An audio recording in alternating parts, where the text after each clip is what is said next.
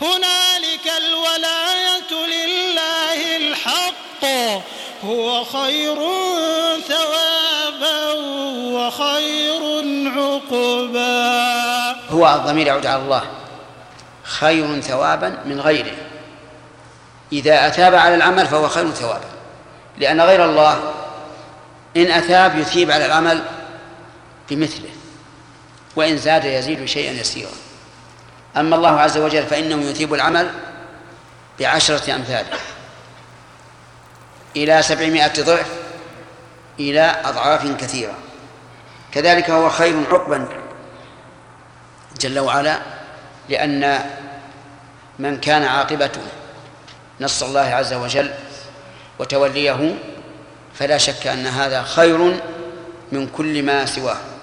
جميع العواقب التي تكون الإنسان على يد البشر تزول لكن العاقبة التي عند الله عز وجل لا تزول.